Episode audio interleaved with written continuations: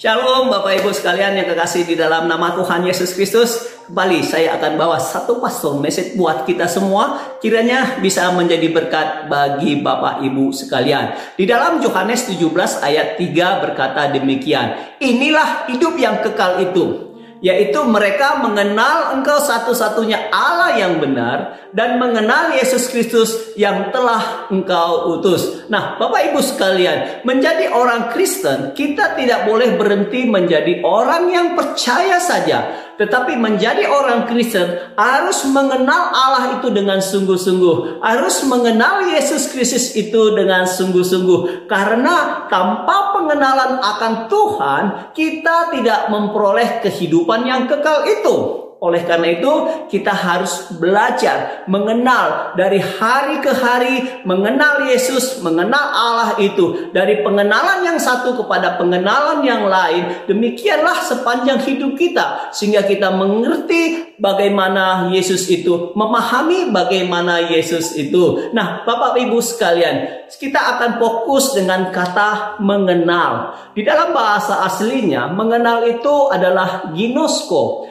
Ginosko itu artinya memahami, intim, mengenal secara pribadi.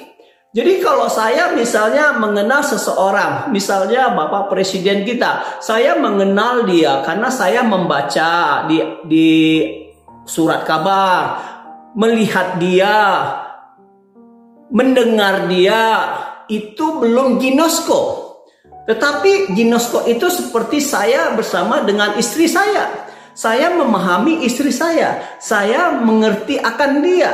Saya intim dengan dia dan secara pribadi saya kenal dia. Demikian juga istri saya kenal dengan saya. Itu yang namanya ginosko. Jadi kita juga harus ginosko bersama dengan Yesus Kristus atau bersama dengan Bapa di surga. Bagaimana caranya? Kita harus mengerti, memahaminya, intim dengan dia dan mengenal dia secara pribadi.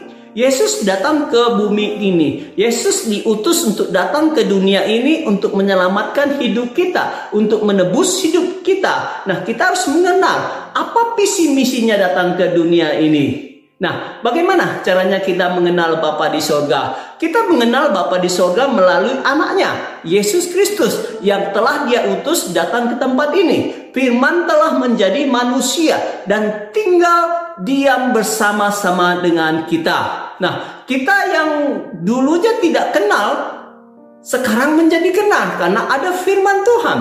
Ada Alkitab yang kita baca. Melalui pembaca Alkitab kita bisa mengenal dia dengan sungguh-sungguh. Nah Bapak Ibu sekalian. Bagaimana caranya kita supaya mengenal Yesus itu dengan benar. Mengenal Bapa kita dengan benar. Salah satu adalah dengan Alkitab dengan firman. Dengan firmanlah kita tahu bagaimana Yesus itu. Tanpa pengenalan akan Tuhan, kita tidak mungkin intim dengan Dia. Tanpa pengenalan akan Tuhan, kita tidak bisa berlama-lama bercakap-cakap dengan Dia.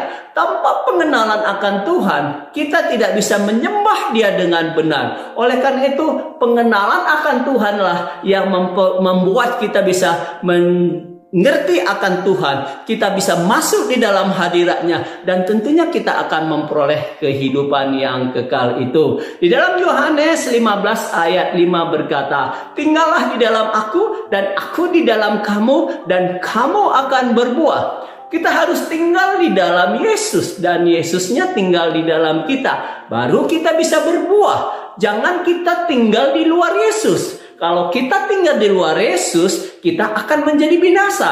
Kalau kita tinggal bersama Dia, maka ada perlindungan Tuhan bersama-sama kita.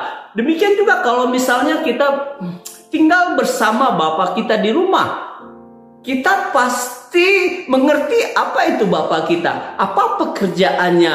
Uh, kemudian kalau kita punya masalah, kita bisa mengutarakan kepada Bapak kita. Itu yang namanya tinggal serumah. Kalau kita tidak tinggal serumah, kita tidak mengerti. Kita menjadi orang asing. Kalau kita datang ke rumah itu, kita hanya sebagai tamu saja, bukan kita tinggal bersama-sama dia. Kalau kita tidak tinggal bersama dengan dia, kita menjadi orang asing di hadapannya. Nah, demikianlah kita harus tinggal bersama dia dan firman itu juga tinggal di dalam kita. Di dalam Yohanes 15 ayat 7 berkata, Tinggallah di dalam aku dan firmanku tinggal di dalam kamu. Maka apa saja yang kamu minta, kamu akan menerimanya. Nah, Bapak Ibu sekalian, kita harus tinggal di dalam Yesus supaya ah, waktu kita berdoa, waktu kita menyembah Tuhan, hadirat Tuhan itu nyata di dalam kehidupan kita. Yang kedua, bagaimana kita bisa mengenal Bapa kita dengan benar, yaitu dengan persekutuan dengan Roh Kudus. Roh Kudus menuntun hidup kita, memimpin hidup kita, supaya kita hidup dengan benar, hidup di jalan yang benar. Roh Kudus datang ke dunia itu untuk menolong kita. Waktu Tuhan Yesus naik ke sorga dan 10 hari kemudian Roh Kudus itu tercurah bagi murid-muridnya dan pada waktu itu terjadi transformasi yang luar biasa. Petrus sekali berkhotbah 3000 orang diselamatkan dan Roh Kudus itu sampai sekarang ini masih berkuasa kalau kita mau datang kepada Dia, kalau kita hidup kudus. Firman Tuhan berkata, "Kuduslah engkau karena aku kudus."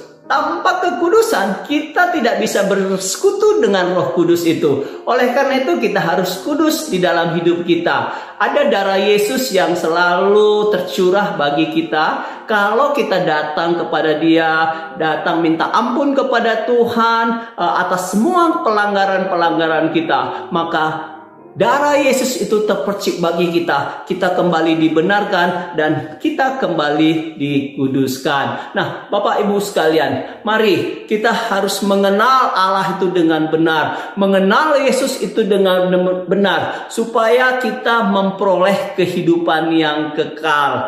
Dengan caranya kita harus membaca firman Tuhan setiap hari dan minta persekutuan dengan Roh Kudus supaya kita dipimpin dalam kehidupan ini.